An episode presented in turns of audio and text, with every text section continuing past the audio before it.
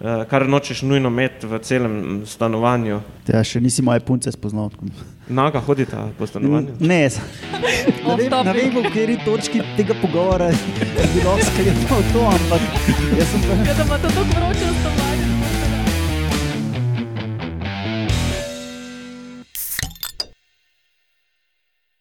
Ok, to je to. Uh, poslušate podcast Metamorfoza, oddaja 88. Lepo zdrav vsem tistim, ki ste se zbrali danes tukaj v živo. Lahko date sami sebi aplaus, če želite. Da, da bodo tisti, ki poslušajo to kot podcast, kasneje uh, res verjeli, da je to bilo živo. Teda, ja, lepo zdrav tudi tistim, ki to kot podcast poslušajo. Ne vem, če tukaj kdo, ki ne pozna podcasta, da malo več pove o teh admin zadev. Uh, se pravi, to je podcast o biologiji organizmov, ki ga vedno tako. Uh, to biologijo organizma vedno predstavimo skozi lahkoten pogovor o pivu v dobesednem pomenu, ne samo prenesenem.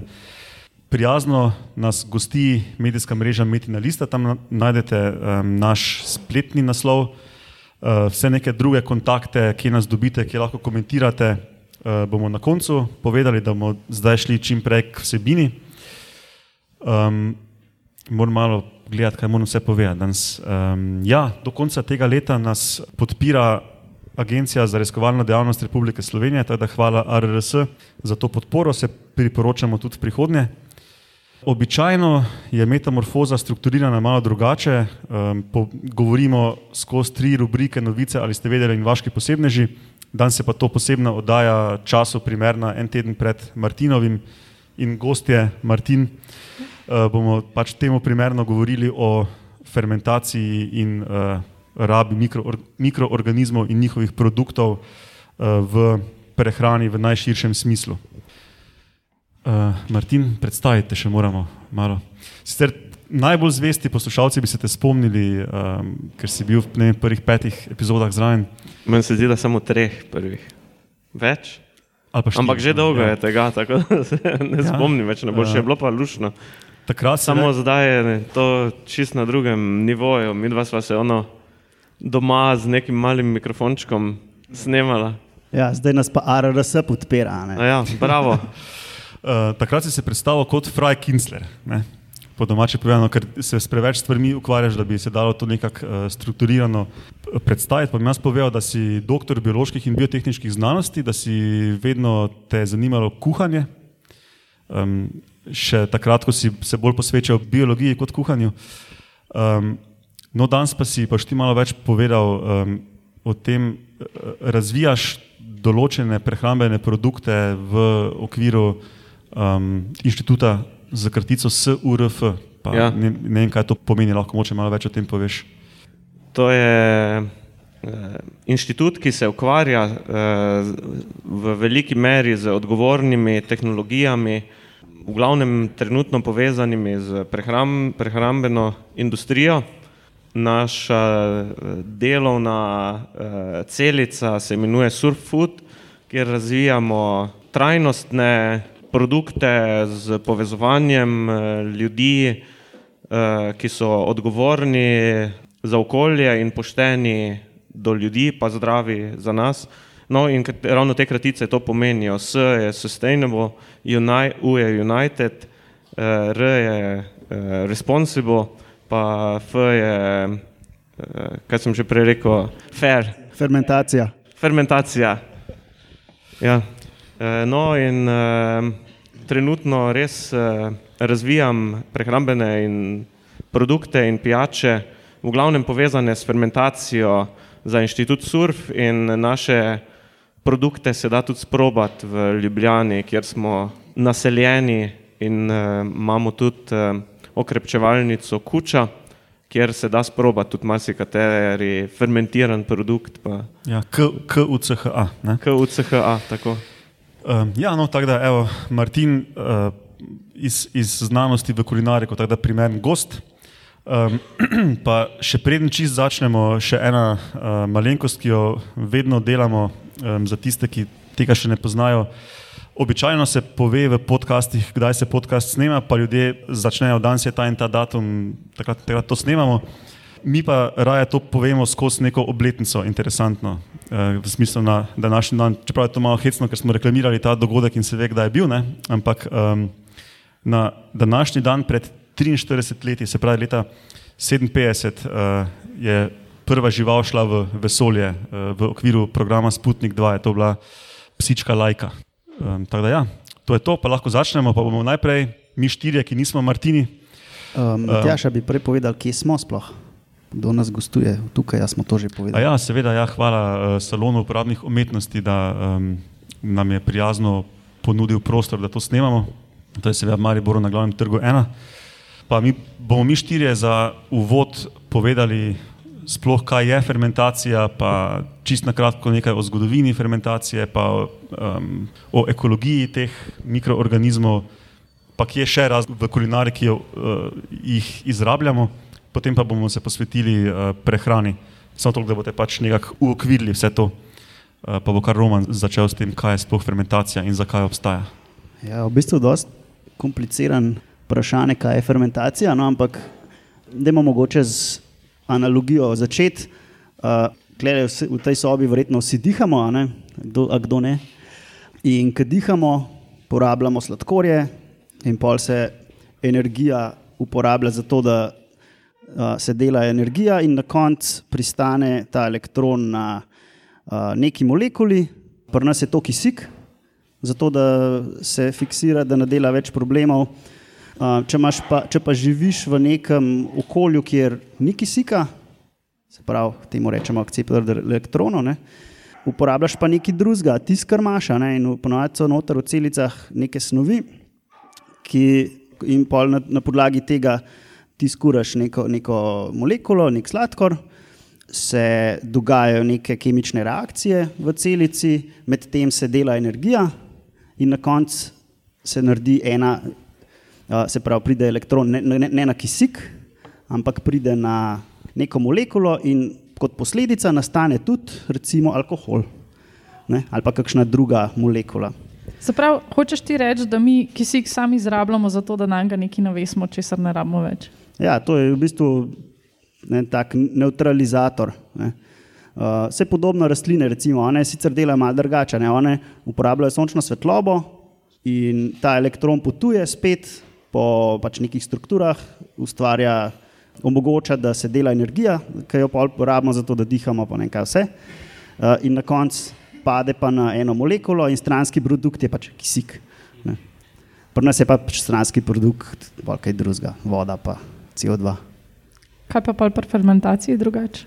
Um, ja, pri fermentaciji pa to, da kis, ni kisik tista ta zadnja stvar, na katero se veže, ampak ena druga molekula, da sploh ni važno, kera.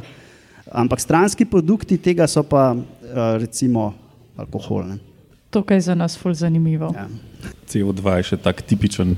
Ja, pa še nekaj. Uh, to je tako zelo neformalen pogovor, tako da vprašanja iz publike so uh, dobrodošla tudi vmes. Bomo pač, vi boste vprašali, mi, mi pa bomo potem v mikrofon ponovili vprašanje zaradi posnetka samega. Ampak um, komot nas prekinete, če imate neko vprašanje, um, kadarkoli se vam utrne.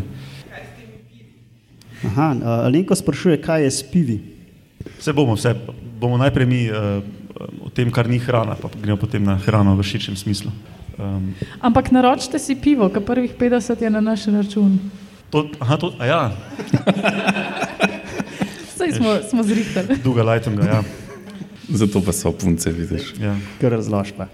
Ja, no, kot rečeno, uh, prvih 50 pirčkov je na račun metamorfoze, uh, brez teh, ki jih mi tukaj za tem omizjem pijemo, tako da kar dajte si duška. Pojdite za šank, pa rečete, da nas poznate, uh, pa dobite per.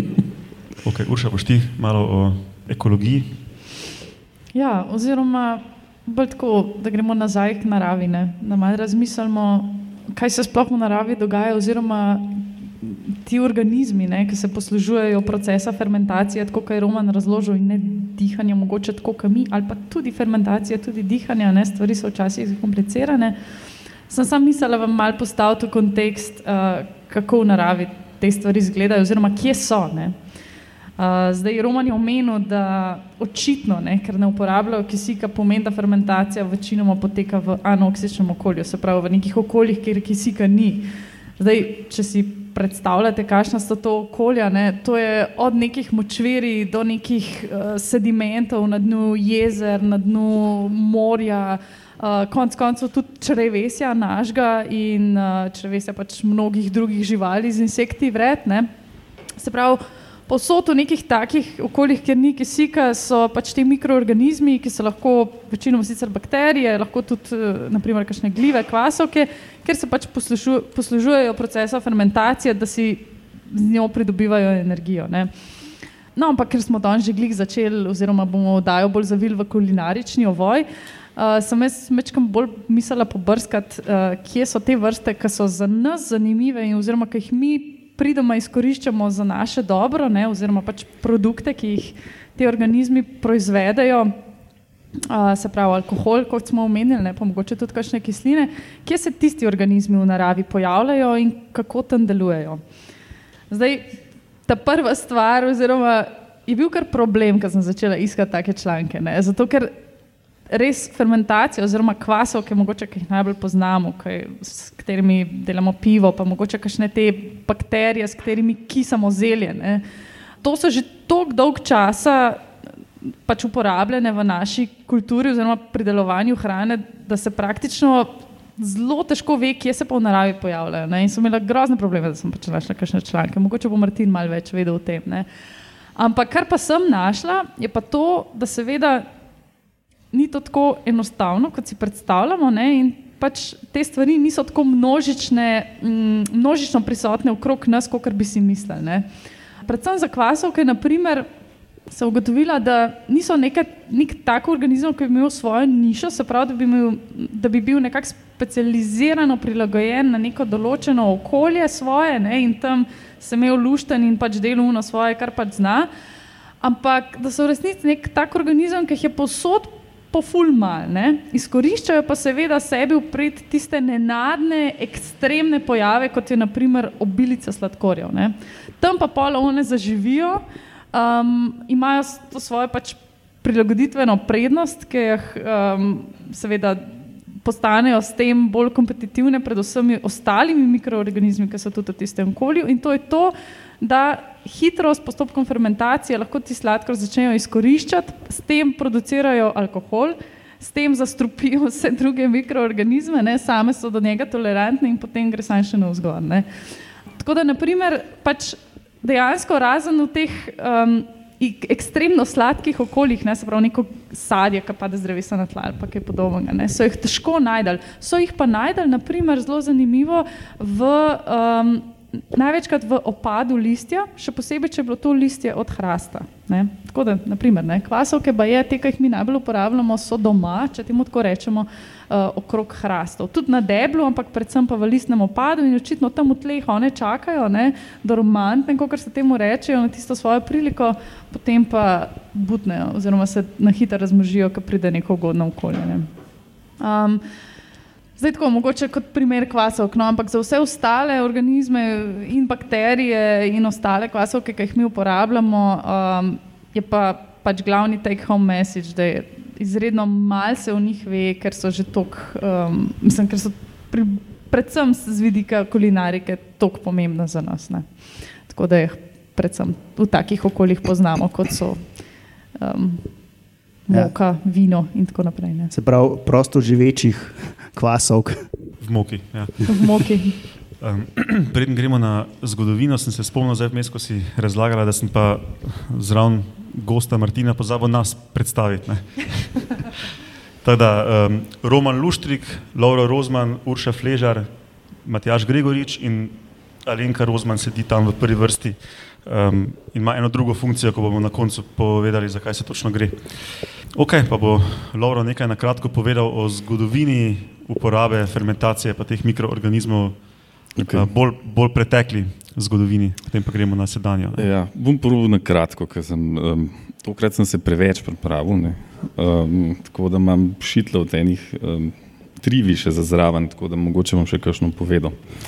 Um, če začnemo tokrat na začetku, ne od zadaj, bi omenil, da je, da je to ena izmed starejših metabolnih poti sploh, Uh, in da poleg vseh bakterij imajo tudi vsi eukarionti to, ne, se pravi gljive in vse živali v pač neki meri uh, vršijo fermentacijo. Se pravi, tudi ljudje to delamo, ne samo v črevesju, ampak tudi v naših navadnih celicah poteka delno fermentacija. Recimo v mišicah se to kar pogosto dogaja, pa imamo tam neko mlečno kistino. Pa tako, ne. In pa nas full peče. Ja, tako da Čeprav zadnje študije so nekaj pokazale, da to, da, nas, da imamo muskel fiber, sploh ni povezano z mlečno Ja, so kislino. kao neke male poškodbe, ne, kaj fizične. Ja. Ja, dobro, pustimo zdaj to. Ne. Ampak dolgo je pa veljalo to. Definitivno pa ona tam kislino. nastaja, ker pač metabolno je to, v, Ja. če telo ne dobi dosti kisika, ki je pol. Gre to brez kisika, in brez kisika je fermentacija. Ja, je pa fermentacija zanimiva zato, ker full hiter nastaja ta energija. Sicer je relativno neučinkovita reakcija, mm -hmm. ampak je pa. Ne, Ja, izplen, izplen je zelo veliko manjši, kot pri prenosu na kisik, ne, ampak uh, dela pa brez kisika, pa hiter je. Ne, Ja. tako da se vsem splača to delati, če pač ni drugega. In za- verjetno se je zato tudi ohranila toliko Ja. let. Ja, ker pač, če, če je kriza, pa je anoksični pogoj, ki moš recimo un fight ali pa flight, ne, pol je to vsem smiselno. Um, no, pa če gremo malo naprej. ne. Um, ko, uh, uporabnost teh fermentacij za človeka um, se bomo zdaj premaknili. Uh, te prve podatke sem zasledil um, za peko kruha. Ne, se vemo, pri peki kruha se uporablja uh, tiste kvasovke, ki kakajo tisti uh, CO2 zraven, ne, da je kruh bolj fluffy. Ne. Eni pravijo, ne, recimo moja žena, da, da tam še ne gre za pravo fermentacijo, ampak na to se ne bomo spuščali. Uh, pravijo, da že 30 let, tisoč let nazaj, da so že pač pekli kruh um, in seveda ne vemo, ali so takrat tlačili kvas noter, verjeten ne. Je pa tako, da pač po zraku, tako kot je Urša prej omenila, uh, plava tudi kar nekaj teh uh, kvasovk pa uh, um, bakterij, tako da verjetno so že takrat um, nekako malo vzhajali to, ali pa ne, ne vemo v resnici. Ne. Z umazanimi rokami so pa cali tisto moko. Pa pač, Higiena ni bila na višku, se, si mislimo. ne. Uh, to, da se pušča neke testaze, drugič pa se tam vse sorte namnoži, je tudi jasna stvar. Ne, tako da zadeva se je bolj uh, razmahnila v neolitiku, se pravi približno 12 tisoč let nazaj, takrat, ko se je kmetijstvo nekako malo bolj razvilo, uh, se vemo, te žita pa tako. In uh, 9000 let nazaj, uh, od takrat so našli že prve ostanke uh, alkoholnih uh, pijač, ne v nekih zaprtih uh, um, posodah, v nekih grobovih uh, na kitajskem. Uh, in sicer je bilo notor um, neka pijača, ki je bila iz um, žita, uh, sadja, grozdja in medu. Čak, Loro, Ja. To dejansko tekočino so odkrili noter. Pač ostanke te A, tekočine. okej, no. samo pač, preverjam, pa ker- so pač tisti elektrospektro, blablabla, in pa so ugotovili, da je bilo vse to noter. Ne. Sam, okay. kako, pa, Ja. kako pa so vedeli, da je bila dejansko to že tekočina iz inata, da pač niso dali Kitajci sam teh sestavin za popotnico, pa so pač to pol vse skupaj fermentirali in propadali, če so bili v Ja. grobovih. Ne, to so bile prav posode za tekočino Ja, hraniti. ker so bile pač zapečatene, bla, bla. A, Pa okej, možno je okej. najti ostanke kvasov, pa možno je najti, mislim, možno je vedeti, da so to, da so eh, recimo ječmen, pa med, Ja. pa Po, postrgali so pač tisto usedlino trdo ne, in so pač m, delali analize kemijske, kaj ti zblo prej. Ne. kaj pa loro debate, eh, kaj je bilo prej, pivo ali vino. Pač iz, iz teh podatkov, ki sem jih jaz našel, je bilo tudi tam ene 4000 let nazaj, so vse mešali. ne. Um, je bilo, so nametali, kar so imeli, uh, se pravi sadje z grozdjem vred, uh, potem žito, potem med. V Južni Ameriki so tudi iz kakava. Um, in so vse skupaj zmešali, ne, niso to ločili na pivo in vino, vse pa pol tam ne- nekako v egi- egipčanskih časih uh, začeli to malo ločevati. ne. Približno. Zdaj ne vemo točno, ne mislimo si, seveda. Čak, imam še par trivi. Aha, ena zanimiva. Kaj je Sagittarius B2? Zdaj, to je kakšen vitamin.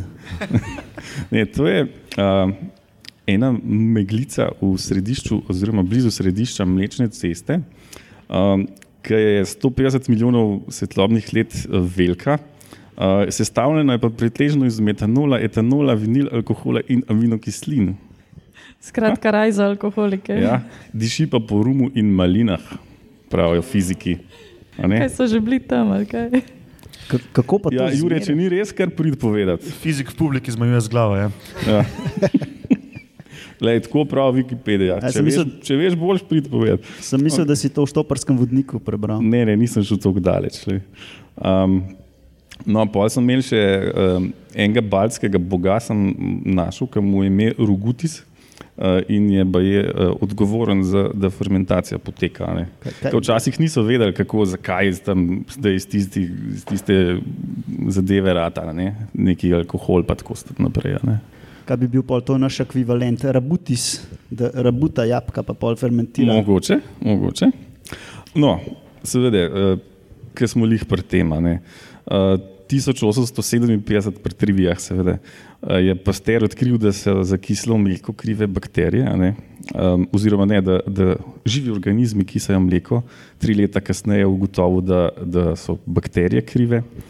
In še 40 let kasneje je Buhner um, zmlel kvas in je še vedno fermentiral in je tako odkril encime in zato dobil Nobelovo. Ne. Za kvaše uporabljamo tradicionalno, se pravi za, za tudi za kisanje, kot je že Urša prej rekla, zelje, repo, uh, soja, olive, uh, mleke, kefirje, sire in tako naprej. Ne. To bo pa verjeten uh, uh, bolj podrobno Martin povedal. Da ne. mu noš v kisu zele hodil, kar ne ne bom, zaostal. ne bom. Tako da to je to. Pa je tudi klobase. Ja, le dobro, uni, uni skandinavci, ne tudi une Ne, ribe. ne, ja, oni imajo ribe. Pa, pa lulajo gor, pa, pa zakopavajo jih v Ampak, razno raznih eh, kombinacijah, ne, smrdljivih, seveda. Suhomesni izdelki, point uh, sušenja, ni samo sušenje, ampak spreminjanje tudi substrata s pomočjo mikroorganizmov. Odlično. Kar tudi v najširši definiciji fermentacije, kot jo uporabljamo v kulinariki, pade Zato tiste, tiste kategorijo. skorice na salamcah, pa Mhm. sirčkih, pa tako naprej. Ne. pik salama, mačarska. Ja, odlično. No, ok, te pa gremo čim prej proti kulinariki, pa si pogledamo samo še na hitro, kje razen v kulinariki pa uporabljamo fermentacijo. Pa bi jaz samo na hitro povedal par primerov. Recimo, ena stvar so biogoriva, ne? bioetanol je en od prvih uh, biogoriv, ki smo ga sploh uh, proizvedli, ali pa mogoče prvi. In ravno ta čist klasična fermentacija uh, prije tukaj prav, pa tudi pri biodizlu um, so mikroorganizmi udeleženi, ampak potem z drugim, pač v pripravi substrata, z drugimi uh, postopki pa potem dejansko dobimo biodizel. Ja, jaz sem našel en, uh, eno ime gasohol, kjer, naredi, kjer, kjer smeti fermentirajo in uh, potem pač tisti alkohol mešajo z 90% uh, benzina in pač temu rečejo ja. gasohol. Ja, ma, mislim, eh, so že razvili avto, ki laufajo čist na, ta, um, na, na to alkoholno gorivo, večinoma pa mešajo zraven. Ja. Um, no, potem ena stvar, kjer uh, nam pridejo mikroorganizmi, prav so čistilne naprave. Ne, čistilne naprave v uh, pač predelavi odpadne vode imajo eno fazo, kjer um, uporabljajo tako imenovano aktivno blato, to so pač mikroorganizmi, ki pretvarjajo um, neke večje skupke organskih snovi v, v bolj tekoče oblike in da se jih potem v nadaljnih postopkih lažje procesira. Tu mogoče ena trivija, če smo že pri trivijah, ne, Lauro. Um, Normalno. Če je imel kdo kdaj akvarij doma, pa filter v, pri akvariju, v filtru, filtri noter so kot ene male čistilne naprave, ker so mikroorganizmi noter in tam opravljajo svoje delo in razstrupljajo vodo. Ne. Pač tisto, kar ribe kakajo in, in, in lulajo, um, pretvorijo v, v manj, um, manj strupene verzije teh dušikovih uh, molekul. Ne. Potem ena uporaba fermentacije je recimo hrana za živino. Ne? V agrikulturi je dost um, nekih odpadnih produktov, ki so celulozni, lesni, ne? to je težko prevaljivo za večino organizmov. In potem mikroorganizme uporabijo, da um, se to malo obdela v bolj enostavne oblike, um, da potem to živini pofutrajo. Ne? A to si laža tudi, ne? Uh -huh. Ja. Um, potem vitamini so ena taka stvar. Ne? Re, recimo, vitamine proizvaja ogromno organizmov, ne? ampak uh, mi jih recimo večinoma uh, vnesemo s hrano. Um, so pa tudi taki, ki um, jih naše bakterije v črevesju proizvajajo, tak je, recimo vitamin K. Ampak tudi v sintetični ali pa polsintetični proizvodni vitaminov lahko mikroorganizme uporabljamo in um, se da praktično vse pridobiti z njimi. In podobno si lahko predstavljate tudi um, steroidi, hormoni proti telesu, to je vse um, popularno. Antibiotiki. Antibiotiki, vsi uh, ste že slišali za penicilin, verjetno, ne, za katerega je, ne vem, če je Fleming dobil Nobelovo nagrado za to ali ne, ampak on je um, to odkril ne, iz, iz glive penicilium. To je pač prvi antibiotik in ta stara definicija antibiotikov je ravno to, da so to neke snovi, ki jih proizvedajo eni mikroorganizmi in potem te snovi delujejo proti drugim. Um, čeprav danes imamo sintetične verzije um, teh starih antibiotikov večinoma. No in tudi uh, mikroorganizme uporabljamo pri proizvodnji cepiv, pa še vse sorte drugih reči. Tako da zelo um, širok spekter uporabe, zato mislim, da je čas, da gremo uh, končno na prehrano, na kulinariko. Pa bom predal Martinu besedo, da bo to čim bolj, da bo v glavnem samostojno vodil, mi pa mu bomo skupno v besedo skakali. Pa ker smo podcast o biologiji organizma, bo to um, o tem, kako si pomagamo da s pomočjo fermentacije pridobimo neke nove lastnosti hrane, ne? ampak bomo tudi povedali, kako zanimivost iz življenja teh organizmov, um, kaj pa to za njih pomeni, neka lastnost, ki jo mi izrabljamo. Ja, eh, hvala za besedo. Ja, jaz se zadnje čase predvsem ukvarjam s fermentacijo iz eh, stališča kulinarike in njeno uporabnostjo, eh, uporabnostjo v kulinariki, tako v prehran, eh, prehrani kot v pijačah. In eh, ja, brez da bi pomislili, si sploh ne predstavljamo razsežnosti, kje, kje vse v prehrani je bilo vsaj malo fermentacije prisotne. Ne vem, recimo kavo zjutraj spijemo, pa ne razmišljamo, da je to fermentiran produkt čokolado izredno radi jemo, to je fermentiran produkt, vino, pivo. Aha, se, ni to sam tako nekaj popražen. Uh, ne, pri mislim. dosti teh uh, um, surovinah je pomembno, da jo najprej obdelamo, preden da, splo, uh, obdelamo, preden da sploh postane užitna. Recimo pri kavi, kakavo je ogromno enih uh, grenčin, enih snovi, uh, ki so zelo najmanj to, da so uh, zelo neprijetne za uživanje, kaj šele, da so lahko celo strupene za nas. Se pravi, to splošno, ne samo prvunih, ki jih mora najprej una opica pojesti, pa pol pokakati. Pa Tako, uh, večinoma se najprej fermentira vse skupaj, Aha. potem se šele suši, pa praži. Ok, nisem videl. Ja. Odlično.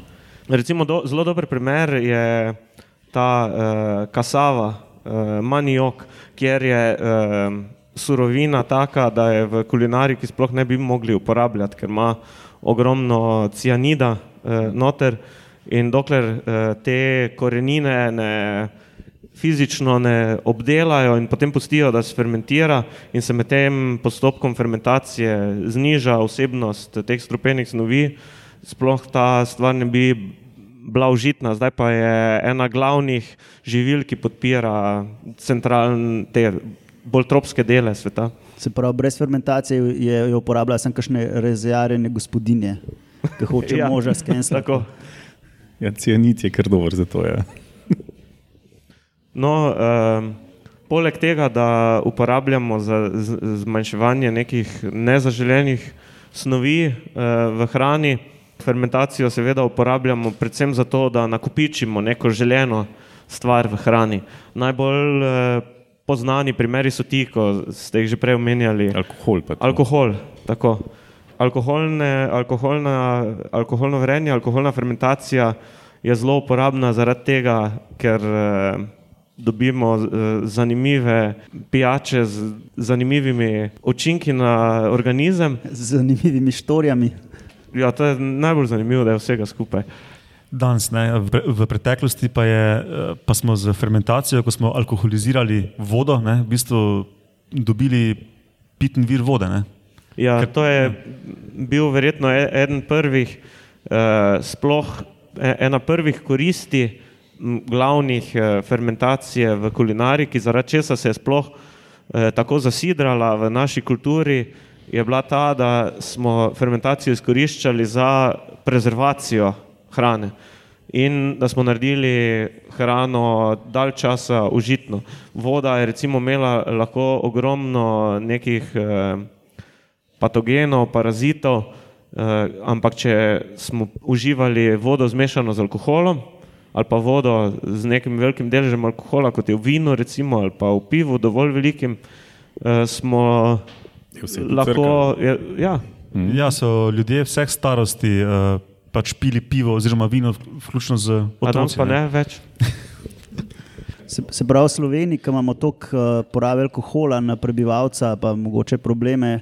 Verjetno samo tega- zato, ker se to je vsi bojijo Vode. zastopitev Ja, ja, ja. z mikroorganizmi. To, je to pove, da smo imeli včasih ful uh, uporečne vire vode. a Ne, in je bilo pač Ja, zato pametno. pa pač taka kultura, ki je. saj. Ja, no pa recimo, eh, v, pomembna stvar je bila, če si ti predelal eh, neko hrano ali pa mleko, recimo, bi bilo škoda, da se ti bi pokvarilo ali pa bog ne da, da bi se pol še kdo zastrupil z neko pokvarjeno hrano. Ampak eh, že to, da si ti to lahko shranil za dalj časa, je zelo pomembno bilo, da si imel neko tehnologijo, ko še ja. ni bilo hladilnikov. Ne, Se je pač pač meso, lačen, eh, meso, ribe so se nasolile in so se sušile eh, in fermentirale skozi ta proces, potem mleko se je spremenilo, bodi si v jogurt za krajši čas, neke mehke sire ali pa v take oblike sirov, ki se jih je dalo potem starati in čez celo sezono raztegniti uporabnost tistega mleka. Eh, Podobno recimo s pridelkom sadja, grozdja.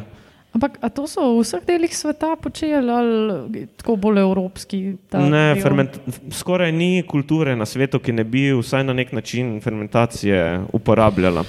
Zdaj mislim, da, um, da je bila v Evropi ful bolj pomemben vir proteinov, pa, uh, pa vode je bilo mleko, recimo na, Ki- na kitajskem so pa čaje delali, pa um, imeli jajca, ful pač kot ta nek stalen vir proteinov za primerjavo. Za- Zato tudi uh, so različne frekvence alelov um, za laktozno netoleranco menda med Azijo in Evropo, vse tako sem bral nekje. No. Mogoče zato tudi imajo azijske, dosti azijskih kultur ima eh, prezervirana jajca v, kot del svoje fermentacijske zgodovine. Pa dosti alergičnih na alkohol. Ne?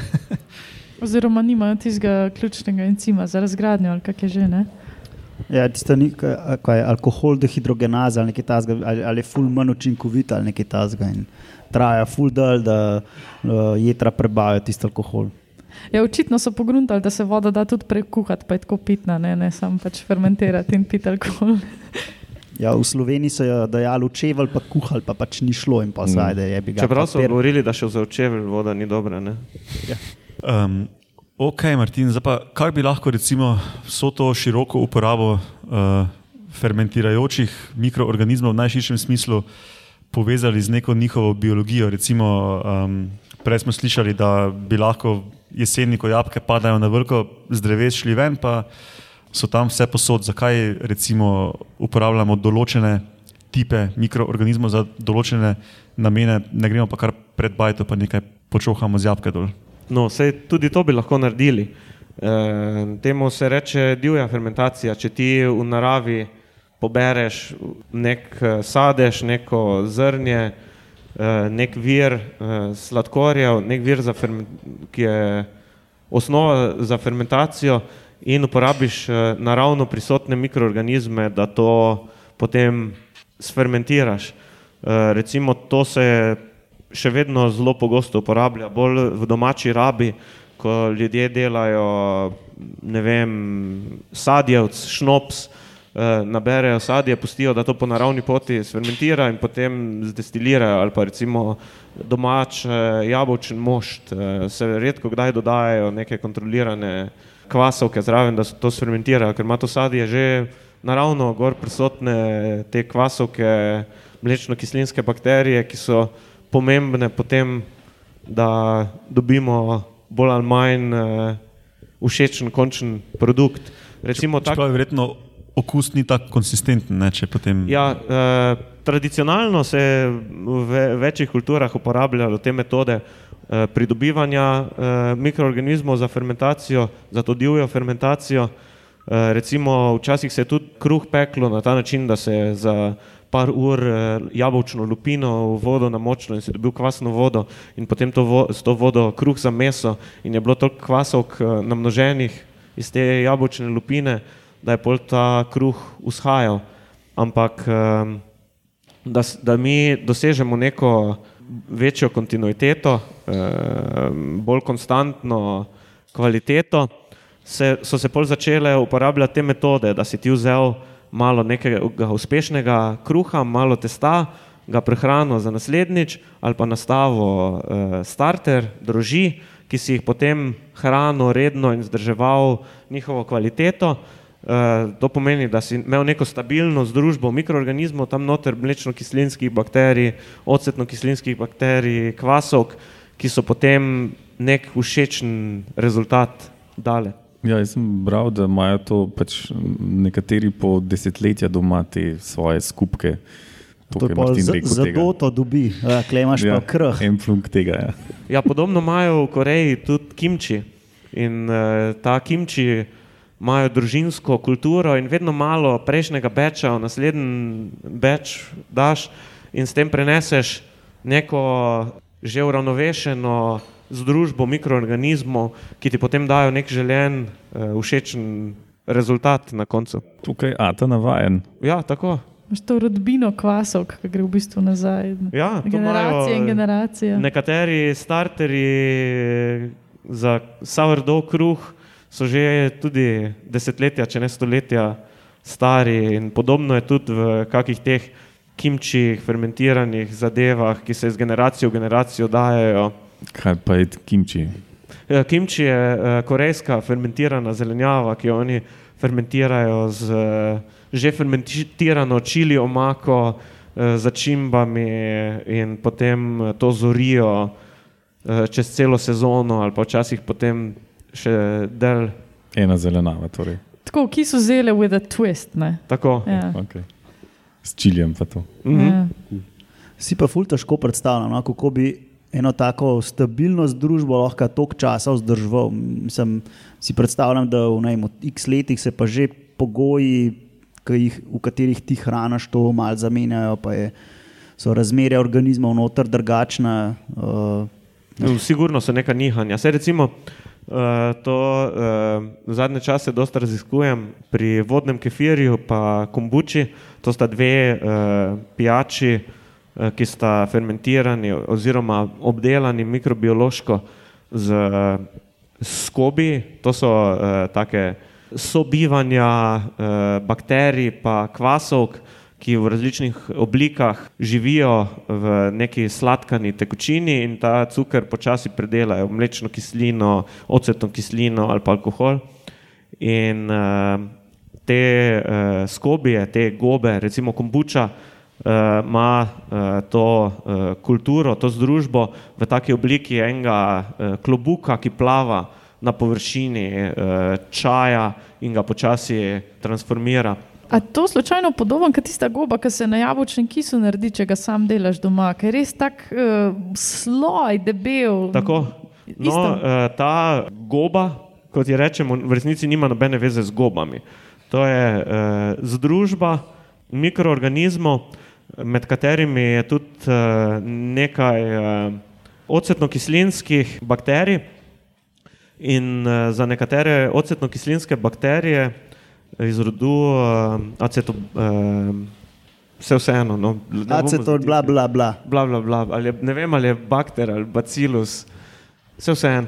Je značilno, da so uh, sposobni producirati celulozo, in uh, pri tej kombuči je to tako kar orn, čvrst sloj celuloze, v katerem polnot živijo v slogi te kvasovke um, bakterije. In uh, s tem, ko si naredijo nek tak matriks, si tudi znotraj tega matriksa lahko usta, ustvarijo neke pogoje, optimalne za mhm. sobivanje. Recimo, da kvasovke recimo, lahko v nekih anoksičnih pogojih več alkohola ustvarijo, ki ga imajo potem te ocetno-kislinske bakterije uh, za hrano in lahko pride, pridelajo kisvene ocetno kislino, kis ali pa kombučo v tem primeru. A prav celulozo naredijo? Celulozo, ja, bakterijska celuloza. Cool. Celuloza bakterijskega izvora. Vse to se včasih celo uh, uporablja. Jaz sem videl vse uh, ene ljudi, ko se ukvarjajo, da to pol posušijo, te skobije, ko niso več v uporabi za fermentacijo in šivajo obleke iz njih, kot nek umeten leder. in pa se to zmoči in si cel sluzast. Ja, verjetno se še s čem impregnira, ampak. Ja. A kaj pa mogoče prej, ko si razlagal, da se pogoji spreminjajo, pa da ni nujno, ne, da je to tako kontrolirano, kot je Roman vprašal. Je to mogoče odvisno tudi od pač tega um, podnebnega pasu, v katerem si? Ne? Zdaj, naprimer, klej smo v tem zmernem pasu, ki imamo izrazite letne čase, pa mogoče včasih ni bilo tako enostavno kontrolirati pogoje, razen če si imel neko klet, ne? ker si imel tiste stalne temperature, vlažnost in tako naprej. Um, mogoče v Aziji drugače, pa vse lažje te stvari vzdrževati ali kako. Mm, jaz mislim, da ni toliko s podnebnim pasom povezano to, so, da, da so neka nihanja v teh kulturah, toliko kot to, da uh, že male uh, spremembe, tudi skozi sezono, ali pa male spremembe v surovini, uh, lahko vplivajo na to, da se ravnovesje spremeni. Sploh, če ti nimaš nekih selekcioniranih, nekih kontroliranih pogojev. Zato se to uporablja predvsem v nekih manjših produkcijah ali pa doma, za domačo rabo. Ko pa govorimo o industrijski produkciji nekega živila ali pa pijače, so se pa zato uh, ustvarile cele industrije, ki se ukvarjajo z pridobivanjem selekcioniranih uh, kultur, kvasov, ali pa nekih eh, sirarskih kultur, mlečno-kislinskih bakterij, ki se jih potem v industriji za pripravo jogurtov, sirov, um, piv, vin uporablja, ker recimo ti tvoje preživetje je odvisno od tega, da boš ti imel neko konsistenco produktov, ki jih hočeš na trg prenesti. Ja, um, no, pač v nekih manjših serijah dobiš tudi um, te wild type um, kruhe, pa uh, piva.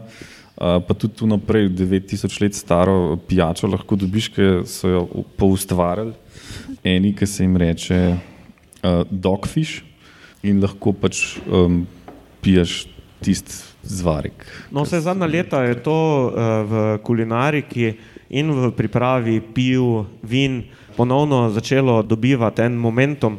In so vedno bolj popularna tudi pri nas biodinamična vina, recimo, ki so fermentirana z naravno prisotnimi kulturami, ali pa recimo uh, kisli kruh, kruh z drožmi.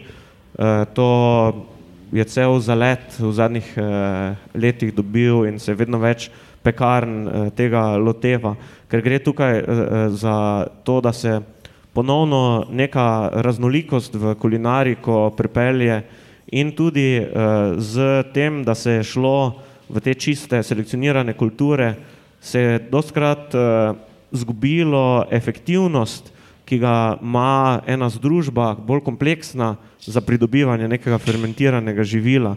Recimo, da je hrana potem bistveno bolj prebavljiva. Recimo kruh z komercialnim kvasom vzhajan ima dokazano bistveno slabši efekt na prebavo, pa je bistveno slabše prebavljiv kot pa nek eh, kruh, predelan z neko malo bolj kompleksno divjo eh, združbo mm. bakterij in kvasov, ki skupaj predelajo, prebavijo že delno neke beljakovine v kruhu, ki so lahko težke za prebavo in tako naprej. Mm. Okay, zdaj, ste že vsi parkrat omenili, nakazali, pa po mojem ne dovolj. Um, kaj je pa funkcija teh snovi, ki jih mi izrabljamo za organizme same. Ne? Recimo, mislim, da si ti, Martin, prej uh, omenil, da uh, kvasovke v bistvu z lepo slovensko besedo outcompitajo. um, Izpodrinejo.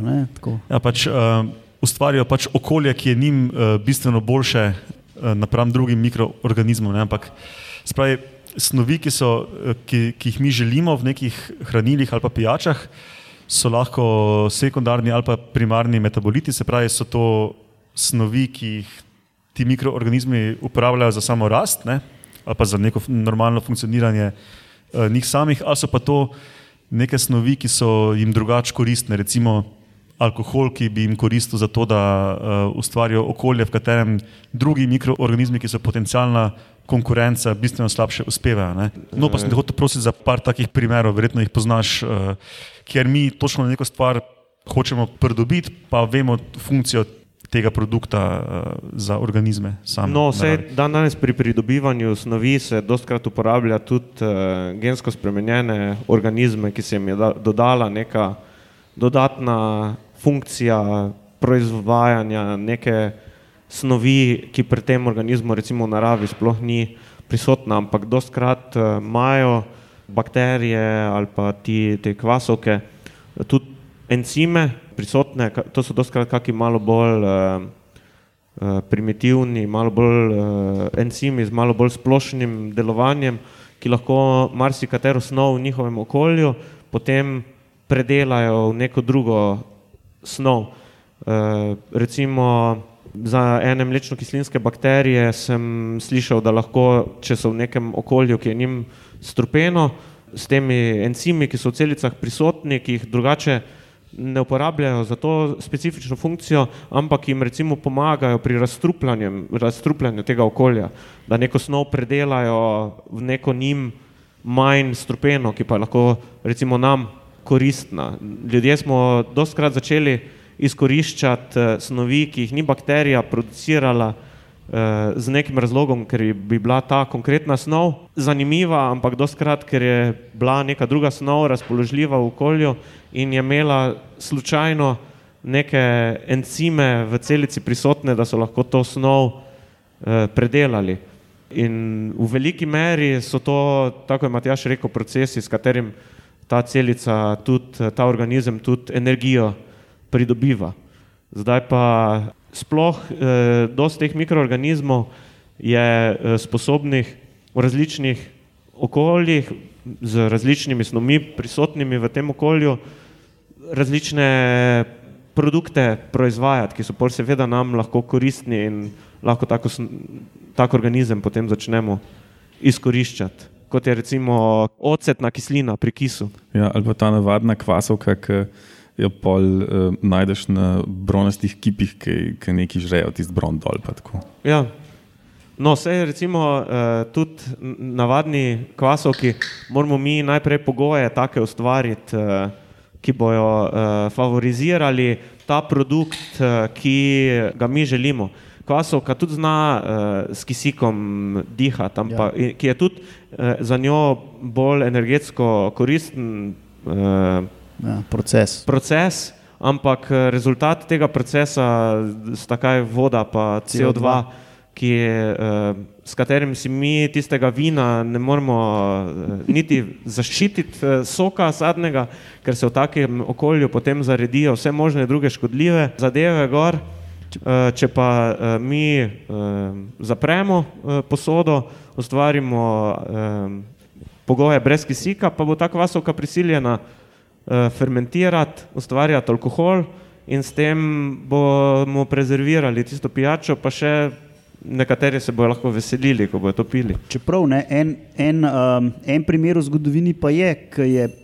Ker noter ni bilo alkohola, pa so naredili, alkohol. Ne. Jezus je, kot vem, naredil vino. Da, mogoče je bil biotehnolog. Pa, Jaz sem pripričan, da je bil Jezus eh, biotehnolog, ker vsi, ko se z fermentacijo ukvarjajo, so alkimisti in on je bil eden glavnih.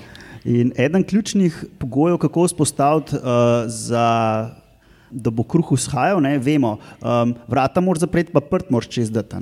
Ker če ne se prehladi. Drugač bo prehladil se uh, krh in bo vse narobe. Uh, pa mogoče bi sam rekel, ne, da mi v bistvu niti toliko ne ustvarjamo teh anoksičnih pogojev, ampak mi, ki to zapremo, tiste kvasovke še zmeraj uporabljajo kisik. Ne? In pa, ki ga zmanjka, se v bistvu same vejo žagajo, pa pa pač preklopijo na tisto fermentacijo, pa delajo alkohol, ampak pol v eni točki pa tega alkohola preveč in pol se vse zadeva ustavi in lahko uporabljamo to čez pol leta. Ne. Jaz ti na fermentor, ki ga ti uporabiš za fermentacijo vina ali pa piva, že itak pustiš zelo malo zraka gori. eh, In potem tudi, takoj ko se začne metabolizem teh kvasov, um, kar one izločajo CO2, in to je uh, pač ponavadi teže od kisika, in že takoj se začne kisik izpotrivati gor in Ja, ven. ampak do neke mere je že raztopljen. Ja, ja. eh, Ampak ti imaš tam tudi toliko cukra, da ga itak večino potem skozi fermentacijo ponucajo. Ne. Smo pa jaz pa Lauro, enkrat, ko smo v garaži delali pivo, slabo zaprla pokrov enega fermentora in smo potem na koncu uh, 25 litrov um, enega čudnega kisa stran vlila. Ne. Ja, pač, wild type je bil. Ne?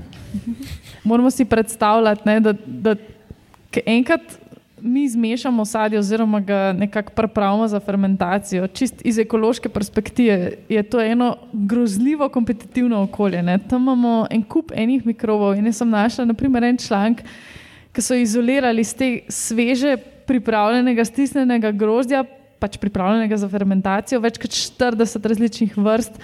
Ver, verjetno jih veliko ostalih še niso uspeli identificirati do vrste. Um, in dejansko so potem pač se izkažejo te prednosti kvasovke, kako si ustvar s tem izločanjem alkohola v okolje, v katerem ona prevlada. Če, čeprav ravno ta, na, če bi pustili to naravno fermentacijo, bi lahko dobili neko ful bolj kompleksno pijačo, zaradi tega, ker bi vsi ti ostali organizmi še nekaj prispevali, ampak se doskrat ravno zaradi tega, ker se ljudje bojijo, da bojo potem se, ker je velika verjetnost, da bo kakšen druga, uh, kak drug mikroorganizem dovolj velik pečat pustil na končnem produktu, da tega ne bomo mogli več piti. Zaradi tega se potem selekcionirane kvasovke dosti krat dogaja, eh, dodaja in dobimo to klasično, konvencionalno vino, kjer vemo, kak, eh, pod kakimi pogoji bo ta kvasovka delovala, da bo res hitro delovala in eh, izpodrinila ostale mikroorganizme in eh, do, da dobimo nek uh, želen produkt, ampak je potem raznolikost bistveno manjša, kot jih dobimo s temi biodinamičnimi vini, pa fermentacijami piv, ki imajo ali pa sajdro, ki imajo eno kompleksno združbo mikroorganizmov, ki potem da, da vsakemu, vsaki seriji nek svoj pečat ki je odvisen pol od temperature, od uh, naključja, kjer mikroorganizmi so takrat noter prišli. Konec koncev sadja ne, in kaj sadje s sabo prinesel in tako naprej. Ja. Uh, Martin, jaz bi dal za tebi še besedo za na koncu, um, da poveš to, kar se ti še zdi ful zanimivo. Um, pa še se, se še nismo dotaknili, če še imaš kakšne take primere, ne vem, če bi se rad dotaknil skandinavskih rib, fermentiranih. Pa... Ne, tega se nočeš dotakniti, kaj še lepo jesti. ali pa ne vem, no, kar, karkoli si imel še v mislih, uh, ko si razmišljal pred to oddajo, pa se še nismo dotaknili teme. Uf, uh, ne vem. No, hvala lepa, pol, če ne vem.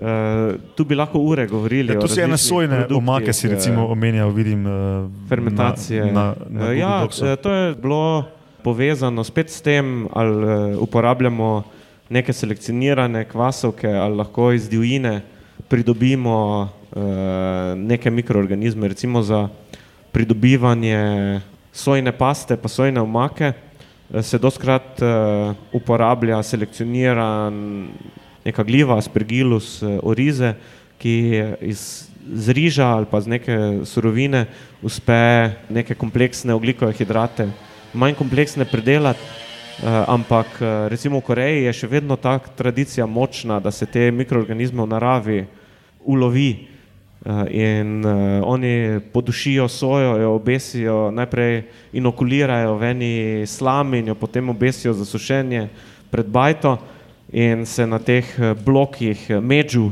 se imenujejo ti bloki, se naseli združba in to potem dajo v ene lonce pod vodo fermentirati, na dnu se sojna pasta ustvarja počasi in nad njo sojna omaka iz tiste vode nastaja počasi in to imajo tudi po leta, desetletja ali pa sto let starane te sojne omake. Ja, no to se meni zdelo ful zanimivo, zato sem hotel, da razložiš. Ja.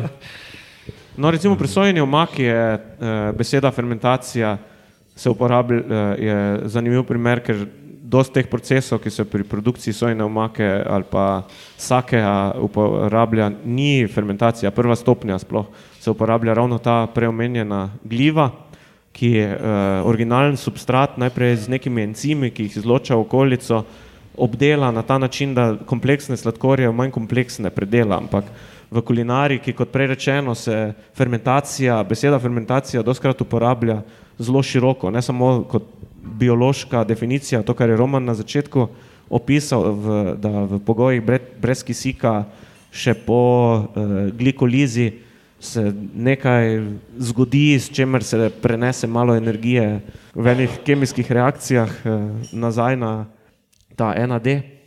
Je, recimo v, te, v tem primeru se uporablja uh, bolj široko in to za vse pač uh, mikrobne transformacije, ki se v hrani dogajajo. Tako, samo toliko, da doskrat slišimo fermentirana hrana, fermentirana pijača, uh, fermentiran produkt, pa pač to doskrat pomeni mikrobiološko transformiran. Sej tudi Wikipedija navaja štiri ali celo pet definicij fermentacije, tako da res ima veliko, veliko različnih interpretacij ta beseda. To je tako, kot ekologija. a Ne? Joj, daj, ne, ne, ne. ne.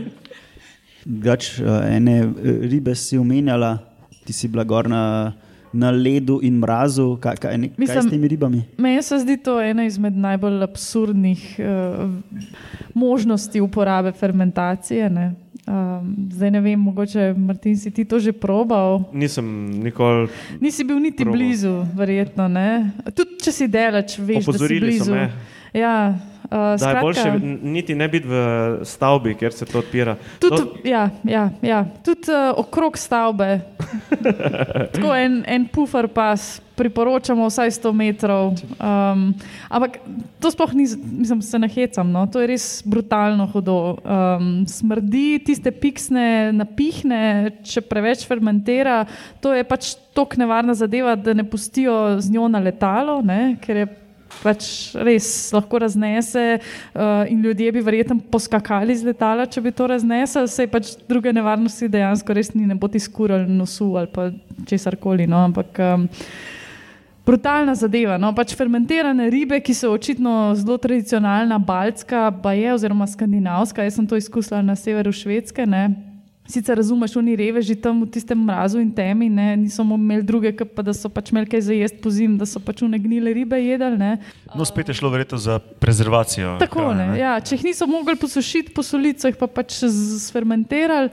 Um, ampak je pa res, no, tako terja.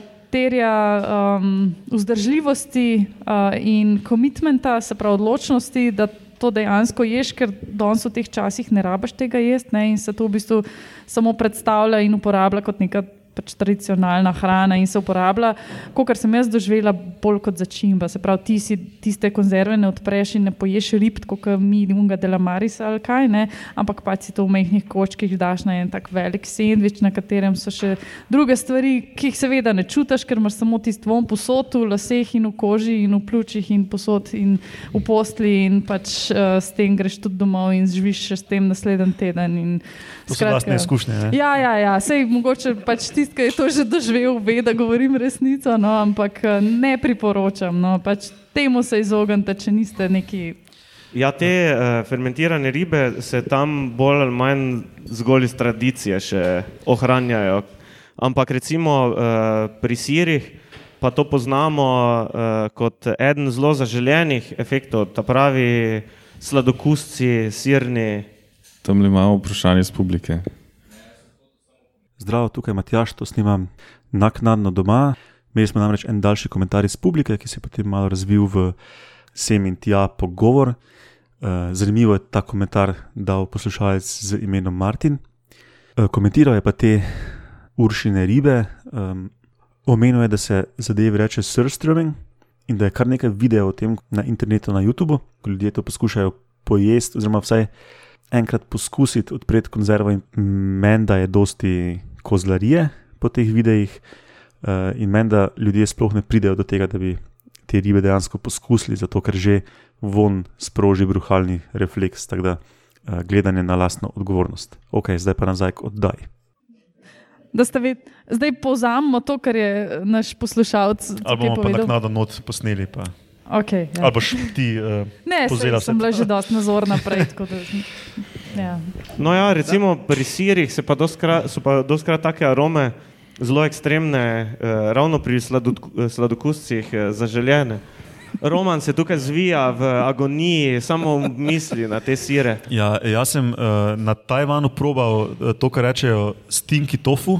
Uh Mhm. -huh. Je pač tofu, ki ima prav no, nemo, za debeli prst, plast plesni prek. Ne? Uh Mhm. -huh. In um, pač tudi stopiš na ta njihov um, tako imenovani night market in vohaš ne vem, 200 metrov stran, da je tam nekje ena stojnica, ki to ima.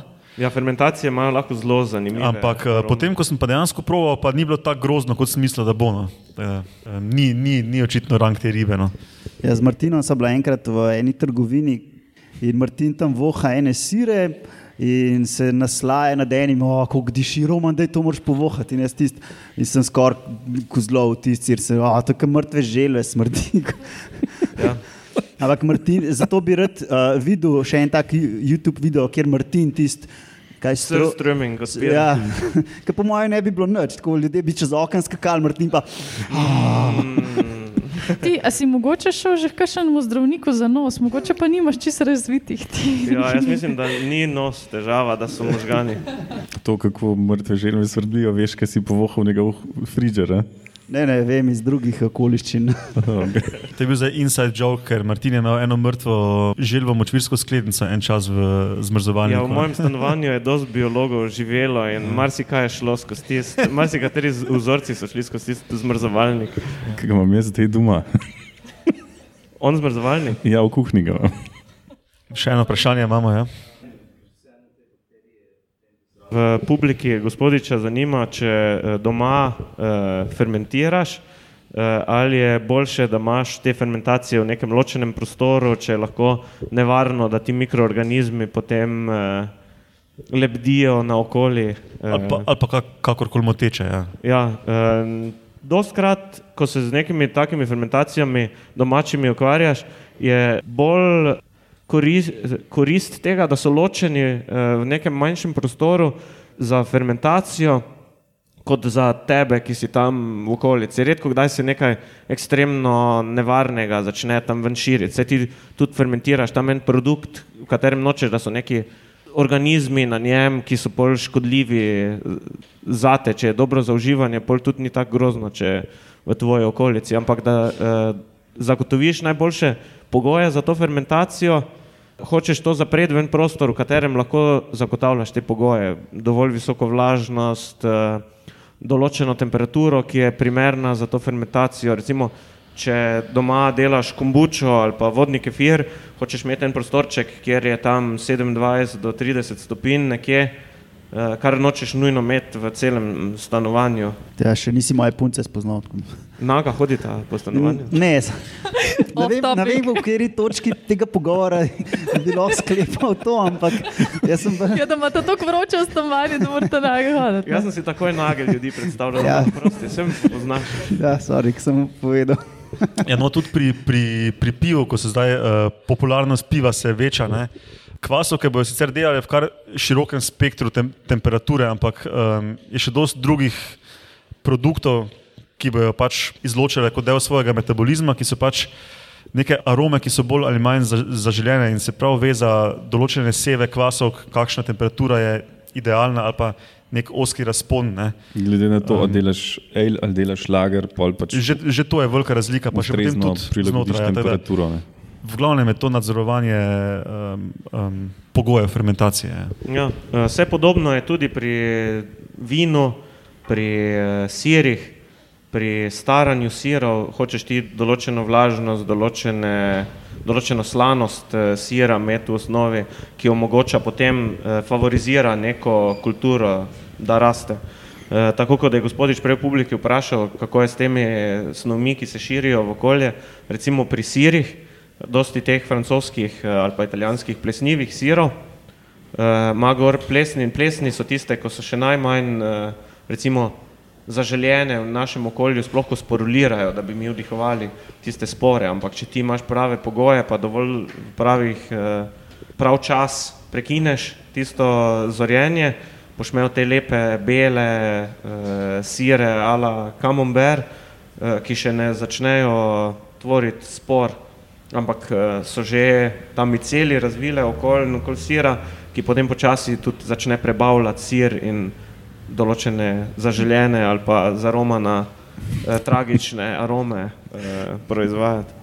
Ja, drugače sem pa slišal, ne, da um, za nekatere sire sploh ne znajo nekih posebnih pogojev tako industrijsko ustvariti in uspevajo sam tam v eni luknji, v eni votlini ali v enem starem hlevu, uh, da tam so nekako taki pogoji ustvarjeni in delajo, ne, ki pa probajo to reproducirati nekje v ali v laboratoriju, ali v proizvodnji, pa z nekim tokom zraka, pa temperatur. Kljub temu, da to so vse senzori izmerijo, Ne, zgleda je neki v okolju, mogoče v lesu ali nekje Ja, neki. sej, to so jame, skale z konkretno kemijsko sestavo, tudi prava vlažnost je. Ja. Pa tudi ta združba je že verjetno toliko kompleksna, da drug na drugega ti organizmi sinergično delujejo. Pa, ja, zaradi tega se reče žlahtna plesen, ker neko eh, oplemeniti tisti produkt eh, in je, ni, ni povsod, ne, tukaj so Nakazuje točno določeni pogoji. In zaradi eh, ravno takih primerov, kot je ta, marsikateri sir v Franciji je tako osko, tudi geografsko zaščiteno ime, ker se lahko samo v enem predelu proizvaja, kjer so pravi pogoji že, eh, da se eh, mleko tako sproducira, ki je primerno za ta sir in potem v teh jamah eh, so točno določene združbe, ki samo tam uspevajo in dajo pol prav karakter takemu, značaj takemu siru.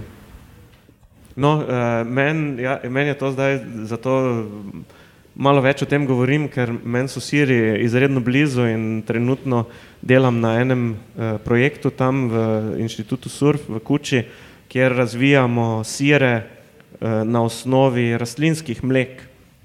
In tu pride spet en cel nov eh, aspekt eh, problemov oziroma vprašanj, ali te sire eh, zoriti, starati z istimi kulturami, eh, kot jih uporabljamo za mlečne sire iz živalske, živalskega izvora, eh, ker recimo poznamo pri eh, tej modri plesni penicillium roqueforti, da n- na živalskem siru ne sproducira neke nevarne količine mikotoksinov, teh strupov, ki jih plesni proizvajajo, ampak recimo eh, imaš okužbo silosa z žiti, kjer toliko tega mikotoksina dobiš, da ti celo letino uniči. In mi delamo zdaj z rastlinskimi eh, substrati in moramo to vse raziskati in poskušamo razviti eh, nek produkt, ki je podoben eh, siru iz eh, živalskih mlek, staran, po podobnem postopku eh, pridelan, eh, ampak eh, da je potem specifična kultura, ki da zanimive arome, ampak vse na osnovi rastlinskih eh, surovin. No, jaz sem probil delne rezultate, če se ne motim, in to, zelo, to je zelo dobro. No. No, hvala. Ja, eh, za, ker ta fermentacija, te, to staranje dodaja ene take arome tem rastlinskim strjenkam, ki eh, peljejo popolnoma neke nove sfere arom, ki jih naravno v teh rastlinah ne bi našli. In to so tudi dostkrat uh, posledica razgradnje proteinov, razgradnje nekih maščob, ki so zelo podobne procesom v nekih staranih sirih in pol dobiš te neke kompleksne arome, ki, ti, ki jih poznamo samo iz enih parmezanov ali pa enih zelo staranih sirov. Ok, še kakšna vprašanja z publike? Ali pa ko- Aha. A, a boš kar bližje prišel ali ne? Ja, gospodiča je zanimalo, eh, če eh, rastlinski sir, ki uporablja kvasovke oziroma mikroorganizme, če je to rastlinska izvora, eh, vegetarijansko, vegansko, eh, ponavadi eh, se v teh prehrambenih eh, pristopih izogiba živalskim produktom. Mikroorganizmi so tukaj redko kdaj težava, sploh ko govorimo o glivah ali pa bakterijah. Večina vegetarijancev, veganov bo jedla gobe in kvasovke padejo tudi v isto kategorijo. Tako da nek sir na rastlinski osnovi, ki uporablja te mikroorganizme, je po moje čist legitimno eh, vege, veganski, vegetarijanski. Sam to je tako malo uh, dvolično. a Ne? ne ješ piščanca, ki je baterijska reja, ješ pa kvasovko, ki je bila zaprta noter v posodo, pa ni mogla jeti na pašo ven. Pa, Pa na hrast. Pa to. ali pa na hrast, ja, li- da bi bila v opadu not prosto. Mislim, tako. Če imaš dosto odprto posodo, da kakšna muhca ali pa čebelca pride, pa jo ponese v širni svet, pol mogoče bi še šlo skosne. Dobro, bomo pustili te debate za potem, ko se izklopi mikrofon. Še kakšen še kak komentar ali pa vprašanje? Vse smo že, mislim, da dovolj dolgi. Ne? Ura 15. Ja, dobro, potem pa lahko Martina še kaj vprašate, potem, čeprav ne bo dolgo ostal. Uh, Roman, kot je napovedal na internetu, če ima kdo kakšno, kakšno vprašanje, je Roman knjigo sabo prinesel, si lahko pogledate. No, drugač pa še nekaj teh admin zadev, kot rečeno, Metamorfoza gostuje na medijskem mreži Metina Lista. Uh, imamo tudi Facebook stran, ki jo lahko lajkate in sledite in bomo zelo veseli, če um, to širite po vašem socialnem omrežju, da še kdo o tem kaj zve, ko, ki še nas ne pozna. Um, s, kakršno, s kakšnim koli komentarjem, kritiko, um, grožnjami, pohvalami, um, nam lahko vsem pišete na e-mail metamorfoza.afnametina.si. Um, Drugač pa se pa zdaj po treh letih odločili, da bomo ustanovili društvo, da bomo lahko legalno prodajali nek, nek merchandise, kot, bo, kot bodo kozarci, pa um, majice, pa šalce, pa ne vem kaj vse. Pa da bomo tudi lahko organizirali nek, neke drugačne dogodke za kakšne posvečene člane, uh, podporne člane ali kaj takšnega. Tada, če bi vas kaj takšnega zanimalo, um, tam zadaj sedi Alenka z, z laptopom. Um, Lahko date svoje kontakte, pa vas bomo kontaktirali, um, verjetno januarja že, um, ko bo to vse formalizirano. Um, v zahvalo za kontakt boste dobili eno značko tega tipa, kot imamo tudi mi zdaj. Um, lahko pa tudi kupite značke tam, jih imamo en cel kup. Um, lahko pa tudi donirate, um, da se bomo mi bolj fajn imeli, pa um, po možnosti uh, posledično delali še dalje fajn, Ja. ali pa boljše produkte, ali pa da bomo šli ce- celo, kot se radi, na pol hecu, pa na pol zares pošaljimo uh, v Etiopijo raziskovati, zakaj imajo zebre črte, ne? ker se še to vedno ne ve. To je zelo nujno. No. Ja, Tako da, za- To je kar Pa prioriteta. fermentirajo tudi dosti v Etiopiji. no, to bomo usputali. No, zato, zato imamo tam eno škatlo, ki imamo gor zebro. Teda, ja, um, Alenka bo vse razložila tam zadaj. No, ok, teda hvala, da ste prišli uh, sem v živo to poslušati. Um, hvala mojim sovoditeljem in tebi, Martino, da si um, tudi prišel Ja, hvala, da povedati. ste me povabili. Pa zdaj še kakega spijemo skupaj. Ne? Ok, adijo. Hvala. Adijo.